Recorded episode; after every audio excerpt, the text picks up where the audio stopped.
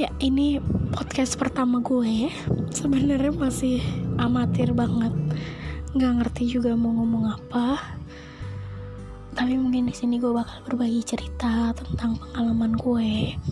Info-info tentang uh, Apa sih yang lagi booming saat ini termasuk yang paling penting di bagian kesehatan karena gue kerja di puskesmas jadi paling nggak uh, adalah info-info yang gue dapat tentang wabah yang sekarang memang lagi terjadi dan gimana sih cara mencegahnya atau paling nggak cara jaga badan kita tapi nggak cuma itu nanti gue juga bakal nyampain podcast-podcast yang lainnya oke okay.